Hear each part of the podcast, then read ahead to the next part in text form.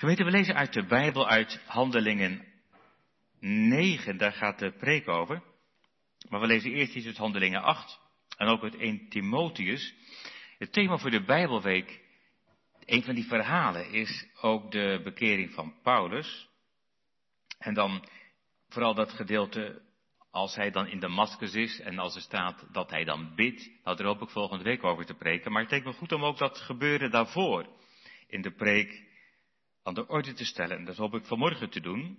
Dus dan hoop ik daar volgende week mee verder te gaan.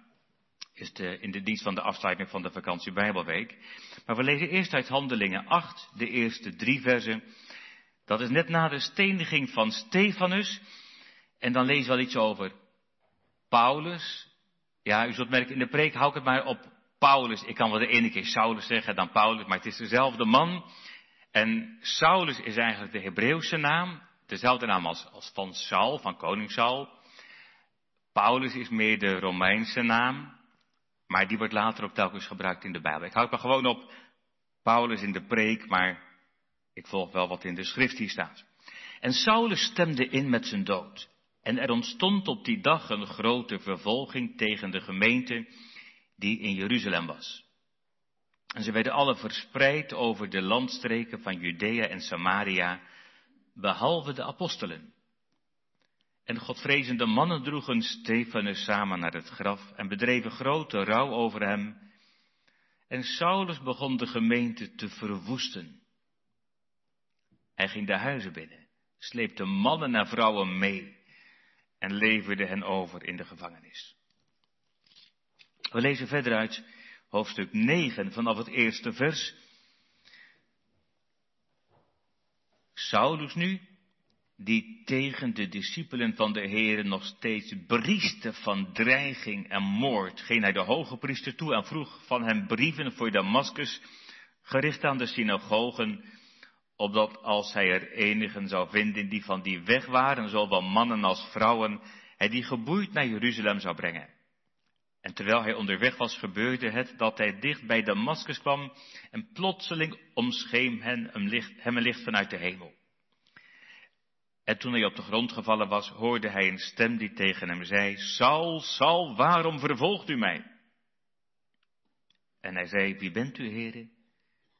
En de Heere zei, ik ben Jezus, die u vervolgt. Het is hard voor u met de hielen tegen de prikkels te slaan. En hij zei, bevend en verbaasd, Heere, wat wilt u dat ik zal doen? En de Heere zei tegen hem, sta op en ga de stad in, en daar zal u gezegd worden wat u moet doen. En de mannen die met hem meereisden stonden sprakeloos, want ze hoorden wel de stem, maar zagen niemand. En Saulus stond op van de grond. En toen hij zijn ogen opendeed, zag hij niemand. En ze leidden hem bij de hand en brachten hem naar Damascus. We lezen ook uit 1 Timotheus 1, waar Paulus iets over zijn bekering zegt. 1 Timotheus 1 vanaf vers 12.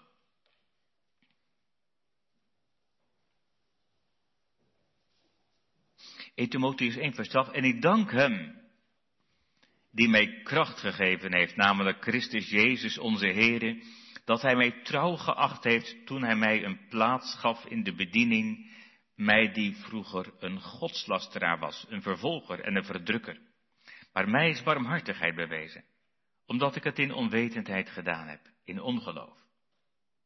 De genade van onze Heere is echter zeer overvloedig geweest met geloof en liefde die er is in Christus Jezus. Dit is een betrouwbaar woord en alle aanneming waard. Dat Christus Jezus in de wereld is gekomen om zondaars zalig te maken, van wie ik de voornaamste, dat is de ergste ben.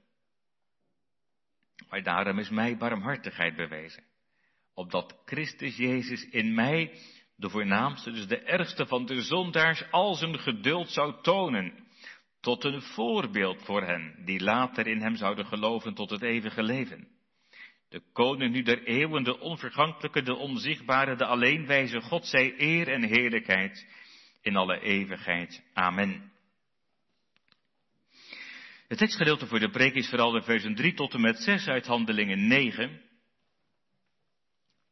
Dus dat gebeuren onderweg naar Damascus Dus die versen 3 tot en met 6. En dan vooral die woorden, Saul, Saul, waarom vervolgt u mij? En hij zei, wie bent u, heren? En de heren zei, ik ben Jezus die u vervolgt.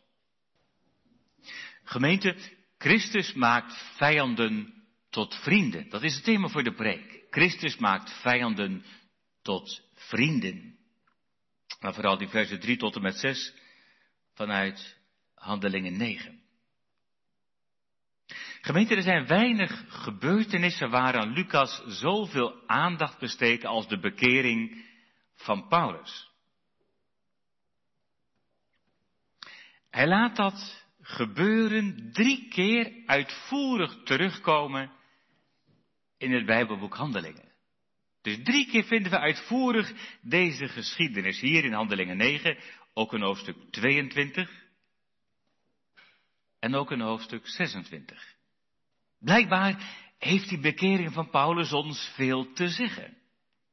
En wat hier gebeurt is allereerst van enorme betekenis voor de voortgang van het evangelie in deze wereld. Eigenlijk begint hier, om zo te zeggen, het zendingswerk, ofwel de vrucht ook van Pinksteren echt. En tegelijk gaat het ook over een ingrijpende gebeurtenis in het leven van Paulus zelf. God verandert mensen.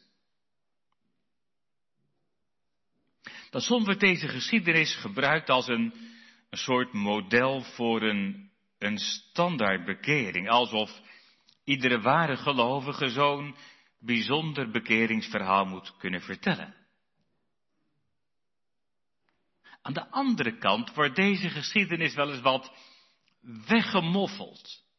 Dan wordt het woord bekering angstvallig vermeden. Je zult het toch eens over bekering hebben.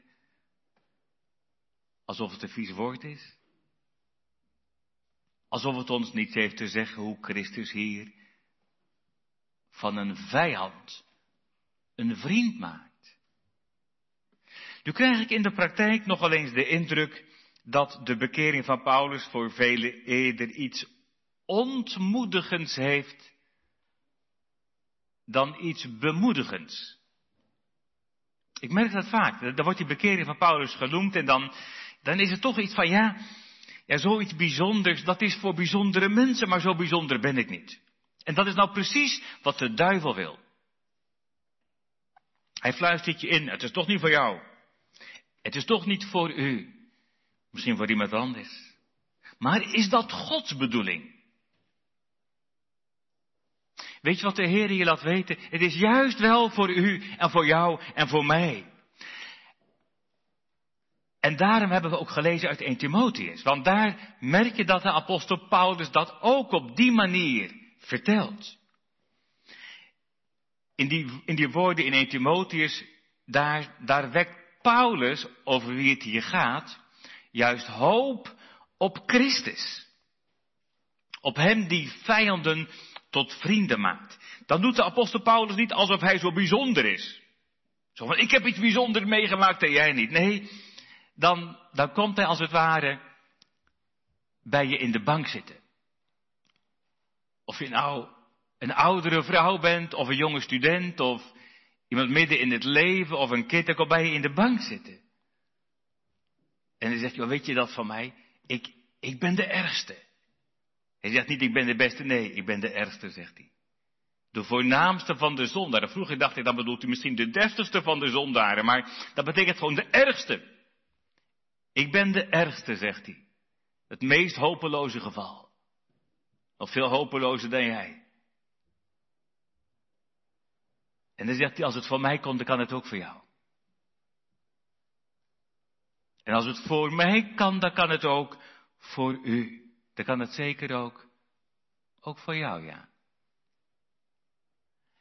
Het mooie vind ik ook dat, dat ook de kanttekeningen bij de Statenvertaling dat zo zeggen. Er staat in Timotheus dat die bekering van Paulus, dat zegt het is een voorbeeld. En dan kun je helemaal de verkeerde kant mee uitgaan. Zo van, dan moet het dus precies zo. Nee, dat zeggen die kanttekeningen. Ja, het is een voorbeeld waaruit blijkt dat niemand, hoe groot de zondaar die ook is, hoeft te twijfelen, te mistrouwen aan de genade van God, als hij maar tot Christus door het geloof de toevlucht neemt.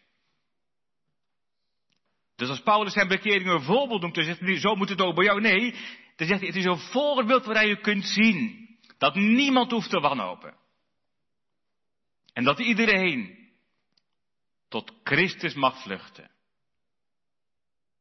Paulus ligt dus de aandacht niet op zijn bekering, maar op Christus en op zijn liefde. Bij hem moet je zijn, bij hem moet je komen. Net als in Psalm 51, vers 7. En scheppen moed uit mijn behoudenis. Dat gebeurt heel plotseling bij de apostel Paulus. Zo staat ook in het derde vers. Plotseling omscheen hem een licht vanuit de hemel. Soms schrijft de Heer plotseling in. Soms word je plotseling in de kraag gegrepen. Soms als een bliksemflits. Plotseling stilgezet. Plotseling op de grond geworpen. Soms heel letterlijk, met een ongeluk of met iets anders. Plotseling grijpt hij in. En toch is er wel wat aan vooraf gegaan bij Paulus. Nou, wat weten we eigenlijk van hem? Hij is een Jood. En hij komt uit Tarsus in Cilicië. Ja, waar ligt dat nou? Dat is Turkije. Hij was een Turk. Een Turk, Turk? Ja, een Turk, een Joodse Turk. Hij kwam uit Tarsus en hij is opgegroeid in Jeruzalem. Misschien met zijn ouders, misschien later. Maar hij heeft daar zijn theologische opleiding gehad bij zijn leermeester Gamaliel. En dan valt hij al gauw op met zijn talent, een zeer begaafde jonge man. Maar ook zijn godsdienstige ijver. En dan hoort hij natuurlijk over Jezus in Jeruzalem, dat kan niet anders. Hij hoort over de kruisiging. Maar hij merkt ook dat het bepaald niet over en uit is met deze Jezus en met zijn volgelingen. En dat kan hij eigenlijk niet goed zetten. Het ergert hem. En hij is erbij als Stefanus gestenigd wordt. Hij wil wel passen op de kleding van die getuigen die de stenen werpen. Kom maar hier, zegt hij, ga jullie maar je gang. En, en er staat ook letterlijk dat hij van harte instemt met de dood van Stefanus. En al neemt hij zelf een leidinggevende rol in de vervolging van de gemeente in Jeruzalem. We hebben dat ook gelezen. En zijn bedoeling is, ook dat hebben we gelezen, de gemeente te verwoesten. Met wortel en tak uitroeien. Hij denkt niet terug om mannen, maar ook vrouwen gevangen te nemen, kwaad te doen. Handelingen 8, vers 3. En het is niet genoeg om alleen de gemeente in Jeruzalem te vervolgen. Er zijn blijkbaar ook christenen vertrokken naar Damascus, in Syrië, ruim 250 kilometer naar het noorden. En neemt de moeite naar de hoge priester te gaan en aanbevelingsbrieven te vragen om ook daar de gemeente te vervolgen. En dan denk je, waarom die haat? En waarom die vijandschap? Wat hebben de christenen eigenlijk hem misdaan? Ja, helemaal niks. Helemaal niks. Ze hebben dan geen kwaad gedaan. En bovendien, hij weet hoe Stefanus gestorven is. En jongens en meisjes, misschien weten jullie dat ook wel. Want die Stefanus, toen die stierf, wat zei hij ook alweer? Hij zei natuurlijk, Heere Jezus, ontvang mijn geest. En toen zag hij Jezus aan de rechterhand van God. Maar dan, dan bidt hij iets heel bijzonders. Dan, dan bidt hij voor zijn vijanden. En dat heeft Paulus nooit vergeten, dat weten we. Maar waarom dan die vijandschap? Nou, Paulus beschouwt het christelijk geloof als een gevaarlijke bedreiging. Waarvoor? Nou, voor de traditie. Paulus was toen een man van traditie, van de traditie van zijn voorvaderen. Dat vertelt hij ook in Galaten 1, vers 14. Hij weet dat die christenen hopen op een gekruisigde. Ja, voor ons is dat heel normaal. Maar voor een Jood betekent dat net zoiets als een crimineel, een misdadiger. Gestorven aan het vloekhout. Nou, dat kan de Messias niet zijn. Dat lijkt hem heel duidelijk. Want God zal dat niet toelaten. Dat zijn Messias aan een kruis, aan een vloekhout wordt gekruisigd. En dan, en dan die praatje dat hij opgestaan is ook op. En die Stefanus, die heeft notabene beweerd dat de tempel niet meer nodig zou zijn. Dat kunt u vinden in Handelingen 7. En dat die offers blijkbaar niet meer nodig zouden zijn. Hoe durven ze? Paulus heeft het gevoel dat het een gevaarlijke nieuwlichterij is. Dat alles wat hij meegekregen heeft van huis uit overboord wordt gezet. Een, een, makkelijke godsdienst. Je hebt geen tempel nodig, geen offers nodig. En met heel zijn fariseese hart zegt Paulus, ja maar dat gaat zomaar niet.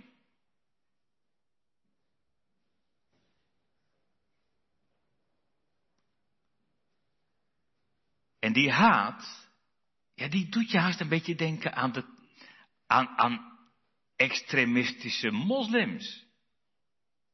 Dus de Taliban in Afghanistan. Ja, aan de ene kant proberen ze wat geruststellende woorden uit te spreken, maar er komen ook al berichten dat, dat die strijders van de Taliban huizen langs gegaan zijn en zeggen, laat me je telefoon eens zien.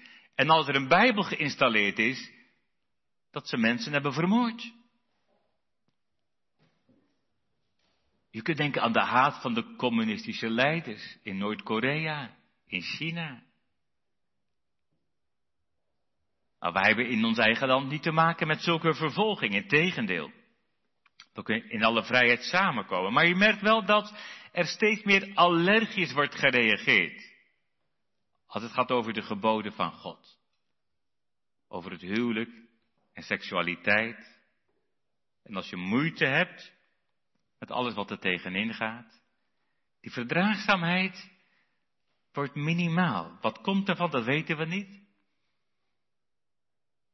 Maar ook vandaag is er irritatie, verzet. Als je openlijk zegt dat alle mensen Jezus nodig hebben. Je moet het zelf weten voor jezelf, maar kom niet aan mij. Nou, maar de Bijbel zegt dat je zonder Jezus verloren bent en verloren blijft. Dat je alleen door Jezus wordt gered. En dat God ieder mens ter verantwoording roept. Dat zijn wij misschien wel gewend als traditionele kerkgangers. Maar heb je nooit dat gevoel van irritatie van binnen? Alleen door Jezus?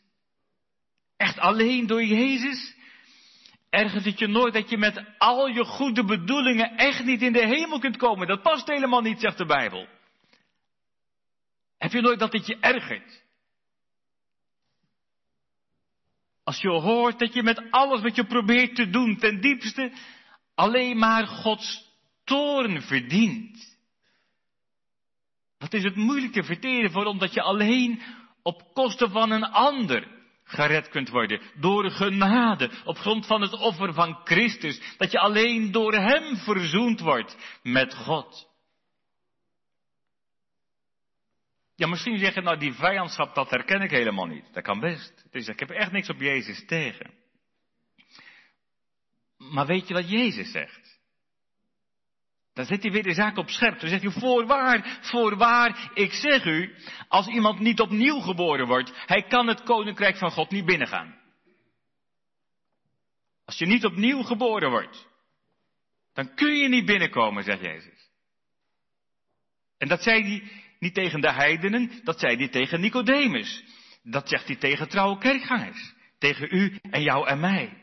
En daar is de Bijbel heel radicaal in. Wij zijn zonen en dochters van Adam. Als het van onze kant moet komen, dan komt het er nooit van. Wij kunnen onszelf niet redden. Wij kunnen onszelf niet in de hemel brengen. Wij kunnen onszelf niet verzoenen met God. Dat moet helemaal bij God vandaan komen. En het grootste probleem is niet eens dat we dat niet kunnen, maar dat we dat niet willen.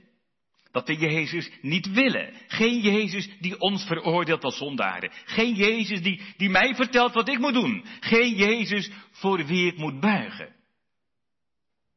En zo gaat Paulus verder. Samen met zijn mannen op weg naar Damascus.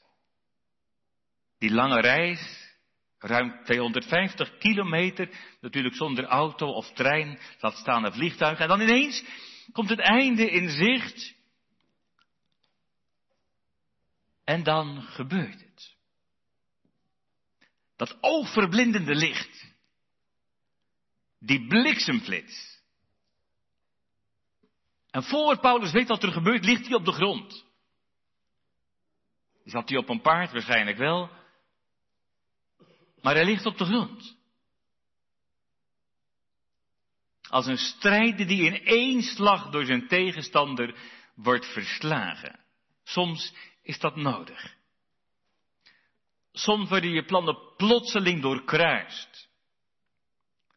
Plotseling gebeuren de dingen die je niet had verwacht en die je ook niet had gewild en die je niet had voorzien. Plotseling ligt Paulus op de grond, hulpeloos, bevend, verbijsterd. En dan die stem. Vers 4. Saul, Saul, waarom vervolgt u mij? Ja, wie is dat? Ja, jongens en meisjes, wie is dat? Ja, jullie weten dat, hè? Wie is dat? Wie is dat? Dat is. Ja, het zal toch niet zo zijn, denkt Paulus. Hij, hij, hij zegt in vers 5, hij zegt, wie bent u, heren? En de heren zei, ik ben Jezus, die u vervolgt. Nu, nu weet hij het zeker. Het is echt waar. Het, het is Jezus. Jezus die gekruisigd is. Jezus die begraven is. Jezus die is opgestaan. Blijkbaar wel. Blijkbaar leeft hij toch die Jezus van wie hij niet wilde weten, van wie hij niet wilde horen.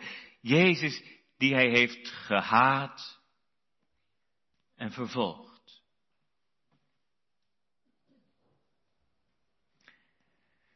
Dus even terzijde. Merkt u ook hoe het hier staat? De Heer Jezus vraagt niet, waarom vervolg je mijn gemeente? Hij zegt, waarom vervolg je mij? Augustinus noemt die tekst heel vaak en dan, dan laat hij dat functioneren als, als een bewijstekst. Hoe nauw Jezus verbonden is met zijn kerk op aarde.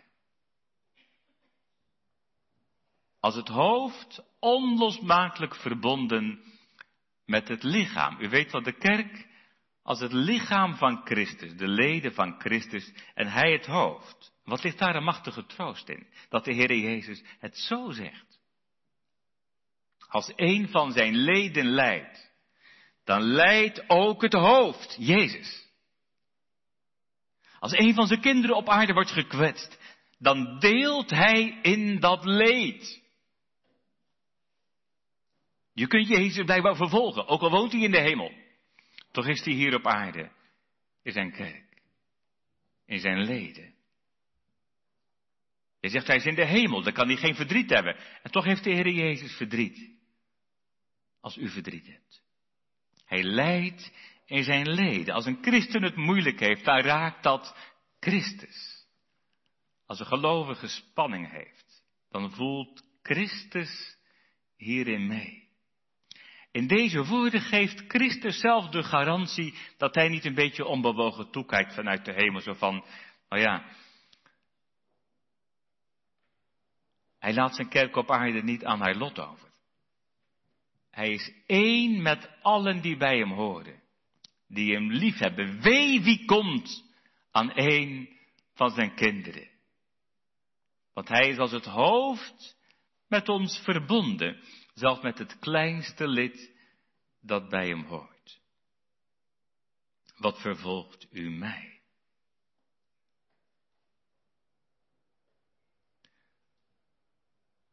En des te meer schrik bij Paulus, dat begrijpt u. Wat heb ik gedaan? Wat heb ik gedaan? Wat heb ik gedaan met hem? En wat zal hij met mij doen? Is nu mijn laatste uur geslagen? Daar zal hij bang voor zijn geweest. En toch dat verblindende licht is geen verterend vuur. Die overweldigende kracht van Christus, de Almachtige, rekent niet met hem af. In plaats van die stem. En die stem roept hem tot bezinning.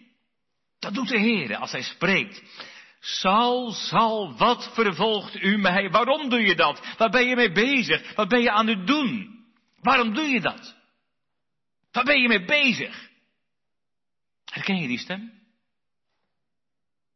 Dat stemmetje van binnen? Dat stemmetje van je geweten? Als je misschien zomaar verstek laat gaan in de kerk. Als je begint met een zondige relatie. Als je doorklikt naar pagina's waar je niet hoort te zijn. Die stem in de preek. Waar ben je mee bezig? Wat vindt God daar eigenlijk van? Hoe jij leeft, hoe u leeft, hoe ik leef. Kun je zo voor God verschijnen? Hoe vaak heb je die stem al gehoord? Waar ben je mee bezig?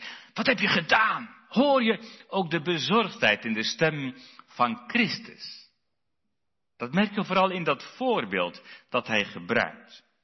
In vers 5 staat dat. Hij zegt, het is hard voor u met de hielen, dus die achterkant van je voet, tegen de prikkels te slaan. Nu is het zo dat die woorden over die prikkels en dat schoppen tegen die prikkel in, in heel veel Griekse handschriften ontbreken in handelingen 9. Dus als je andere vertalingen hebt, dan staan ze soms niet eens erin. Maar we weten uit het verslag in handelingen 26, vers 14, dat Christus dat voorbeeld wel gebruikt heeft. Dus die woorden staan wel in de Bijbel, ook in handelingen. Alleen in ieder geval in 26 en in onze Bijbel ook in hoofdstuk 9. En, en dat beeld wil ik ook proberen uit te leggen. Dan moet je denken aan een landbouwer in het Oude Oosten. Daar ploegden ze vaak niet met trekkers, maar met, nou paarden hadden ze vaak niet, maar met koeien. Of andere dieren soms. En dan, ja, dan liep bijvoorbeeld liep zo'n koe of, of twee koeien voor zo'n ploeg. Maar dan hadden ze niet altijd zin. En die boer die erachter zat, die had dan een stok. En aan die stok soms een punt of prikkels. En soms dan prikte die met die prikkels tegen die achterkant van de poot van de koe. Maar ja, zo'n dier was wel eens koppig, dan trapte die achteruit. Maar hoe harder die os terugtrapte, hoe meer die zichzelf verwonde. Want dan trapte die alleen maar harder tegen die prikkels aan. Dat is nou precies wat je doet als je je verzet tegen Christus. Je trapt als het ware tegen de prikkel. Als je niet luistert naar zijn roepstem. Blijkbaar is dat wat Paulus heeft gedaan. Je voelt als het ware wel de prikkel. Maar je verzet je. Je trapt er tegenaan.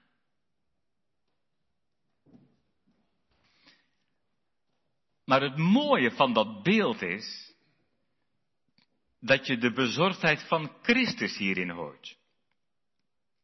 Dat hij zich daar zorgen over maakt. Dat hij zegt, waarom leef je verder zonder mij? Zonder dat je werkelijk luistert naar mijn stem. Waarom verzet je je tegen mij? Waarom laat je mij maar roepen? En daarmee zegt hij, waarom doe je jezelf kwaad? Dus hij zegt niet, je moet, je moet dan maar luisteren omdat ik het zeg. Nee, hij zegt, je doet jezelf kwaad. Zolang je je hart verre houdt van Jezus. Je doet jezelf kwaad zolang je die woorden van God in de wind laat. Je doet jezelf kwaad net als een koe. Een domme koe. Die in haar eigen wijsheid tegen de prikkel slaat. En, en ermee is toch goed hoe harder je trapt. Je vergeef me de uitdrukken, maar dan ben je eigenlijk een domme koe, zegt dit voorbeeld. Die trapt tegen de prikkels. Waarom doe je dat? Hoor je hoe hij je roept? Ja, hoezo? Nou, hij heeft je al geroepen. In de doop. Dat is iets van het belangrijke, ook het mooie van de kinderdoop. Dat de Heer je roept bij je naam, heel persoonlijk. Bij naam heeft Hij je geroepen. Toen Hij Zijn naam aan je voorhoofd verzegelde. Ik doop u in de naam van de Vader en van de Zoon en van de Heilige Geest. En dan roep je iedere keer in de kerk. En dan roep je iedere keer als je zijn woord hoort. Dat is nou precies waarom de duivel wil dat je die Bijbel dichtlaat. En dat je niet meer in de kerk komt. De duivel heeft daar een hekel aan. Maar hoor je hoe hij roept? Hij wil niet dat je je verwondt. Hij wil niet dat je je ondergang tegemoet gaat. Hij wil niet dat je zult sterven in je zonde. Hij roept ons om ons te redden. Hij is bewogen met u en met jou en met mij. En wie zijn liefde kent, die mag dat ook tegen anderen zeggen, dat hij bewogen is met ons leven. Ik denk ook aan Psalm 32. Die woorden kent u wel, denk ik. En jullie denk ik ook. Wil toch niet stug gelijk een paard weerstreven. Dat is het beeld van een paard dan. Als een muil door domheid voortgedreven. Laat zulk een dwang voor u niet nodig wezen. Wie God verlaat, heeft smart op smart te vrezen. Maar wie op hem vertrouwt, op hem alleen zit zich omringd met zijn weldadigheid. Ondertussen zie je Paulus liggen, daar ligt hij op de grond. Zijn hoogmoed is geveld. Zijn verzet is gebroken. En die mannen die bij hem zijn, die staan sprakeloos. In vers 7 staat het ook, ze horen wel het geluid van een stem. Maar wat er echt wordt gezegd, verstaan ze niet. Dat weten we ook weer uit een van die andere geschiedenissen waar diezelfde gebeurtenissen worden verhaald in hoofdstuk 22. Ze, ze weten nog niet wie hier gesproken heeft. Ze zien wel dat bijzondere, dat licht en ze horen wel wat zeggen, maar, maar ze horen Paulus wel spreken. En ze horen dat Paulus iemand aanspreekt. Hoe dan? Jongens en meisjes, hoe spreekt Paulus die stem aan? Wat zegt hij dan? Here staat er. Here, dat betekent gebieder, u die het voor het zeggen hebt. Here, dat is de Heere Jezus. Here, wat wilt u? Ze horen wel de ontzetting in zijn stem. En ze zien hoe klein die grote Paulus is geworden. Heere, wat wilt u dat ik doen zal? En er trouwens weer iets. In sommige vertalingen ontbreken ook die woorden van Heere, wat wilt u? En die woorden staan ook niet in alle Griekse handschriften. Maar die woorden staan wel in het verslag in hoofdstuk 22. Dus het zijn wel woorden die Paulus heeft gesproken. Dat vertelt Lucas in ieder geval in 22 en waarschijnlijk ook hier. Maar Paulus heeft die woorden wel gesproken. Heere, wat wilt u? En als je dat zegt, wat zeg je dan eigenlijk? Als je zegt tegen iemand die je gehaat hebt en die je vervolgd hebt. Als je zegt, Heere, wat wilt u? Wat zeg je dan? Ja, dan erken je je verlies. Dan erken je dat Jezus niet dood is. Dan erken je dat Hij leeft. Dan erken je dat Hij Hem heeft verslagen. Hij heeft mij verslagen. Ik kan tegen Hem niet op. Heren, wat wilt u? Zegt u het maar. Hij erkent dat Jezus degene is die het voor het zeggen heeft. Hij onderwerpt zich hier aan Christus. Wat wilt u, Heere? U bent de Heere. En als je niet beter weet, dan zou je kunnen denken, dat is net als een soldaat die verslagen is en die krijgsgevangene is gemaakt. En zo'n soldaat, die heeft verloren. Zo'n soldaat die moet zich onderwerpen. En zo'n soldaat die moet doen wat de ander, de overwinnaar, zegt. Want anders dan krijgt hij een kogel door zijn hoofd. Maar ondertussen is er niemand die een krijgsgevangene wil zijn, toch? Er is niemand die zo gevangen wil genomen door de vijand. Dat wil je niet. En, en dat is nou eigenlijk een beetje hoe sommige mensen denken over, over het geloof. En dat is ook wat de duivel je graag wil wijsmaken. Alsof het leven met Christus betekent, dan ben ik mijn vrijheid kwijt. En dan mag ik niks meer. En, en, dan, dan ben ik een gevangene. In een harnas dat ik niet kan dragen. Maar wie er zo over denkt, die heeft er nog niks van begrepen. Die weet niet waar hij het over heeft. Paulus, die hier wordt verslagen, Paulus zal later juist zijn oude leven vergelijken met gevangenschap. en slavernij. Nou kun je zeggen, Paulus die leefde heel vroom. Dat was op zich waar. Maar dat zeggen ook de christenen die volop in de wereld hebben geleefd. Mijn oude leven, dat was slavernij. Dat was gevangenschap. Gevangen in mijn eigen zondige verlangens. Gevangen in de handen van de duivel.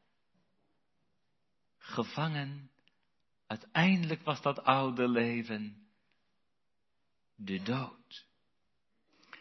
En dan zou Paulus zijn nieuwe leven met Christus vergelijken, niet met gevangenschap, maar met bevrijding. En met vrijheid. En met leven. Wie wordt gevangen door Christus, die vindt de ware vrijheid. De vrijheid van de kinderen van God. Dat wil niet zeggen dat je het altijd kunt zien aan iedere christen. Er zijn wel eens christenen die er soms meer uitzien als gevangen dan als bevrijd. Maar dat is meer ons probleem dan dat het aan Christus ligt. De vrijheid van de kinderen van God. Wat is dat een kostbaar goed. Die overwonnen wordt door Christus.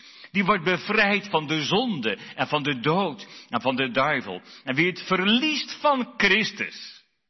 Die leert wat overwinning is. In hem meer dan overwinnaars. En wie zich onderwerpt aan Christus. Die ontdekt, ik ben nergens beter af dan onder zijn hoede. Dan kunnen we zeggen, ik ben het niet meer waard uw kind genoemd te worden. Maar hij geeft de aanneming tot kinderen. Geen slaven, zegt Jezus. Ik heb u geen slaven genoemd, maar vrienden. Ik heb heel wat mensen horen zeggen, had ik maar eerder naar Jezus geluisterd. Had ik mij maar eerder toevertrouwd aan Hem. Maar ik ken geen echte christen die terugverlangt naar het leven zonder Christus. Je krijgt geen spijt van het leven met Christus. Hij heeft niet het kwade, maar het goede met je voor. Hij is geen harde meester, maar een heiland vol barmhartigheid. Geen beter leven dan met Hem. En gemeente, juist als je zijn liefde kent, laat dat aan ons te merken zijn. Laat dat aan ons te merken zijn dat er geen beter leven is dan het leven met Hem.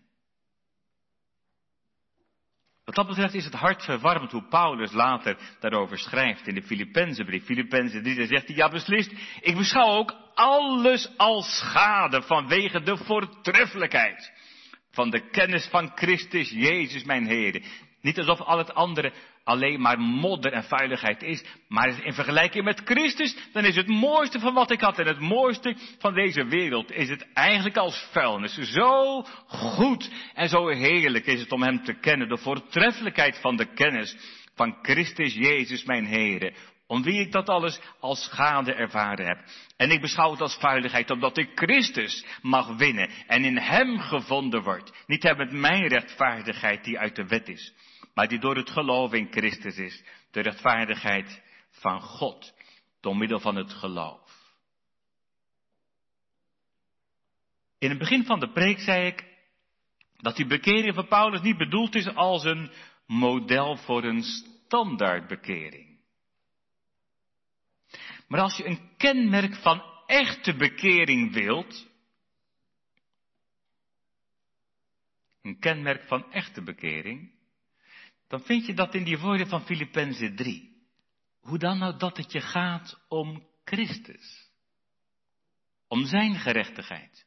Om zijn genade. Om zijn liefde. Dat je verlangt naar hem als de zaligmaker van je zonden en van je schuld. En dat je je overgeeft aan hem. Dat het je gaat om hem. Dat is nou precies waar het ons van nature niet om gaat. Maar wel waar de Heilige Geest begint te werken.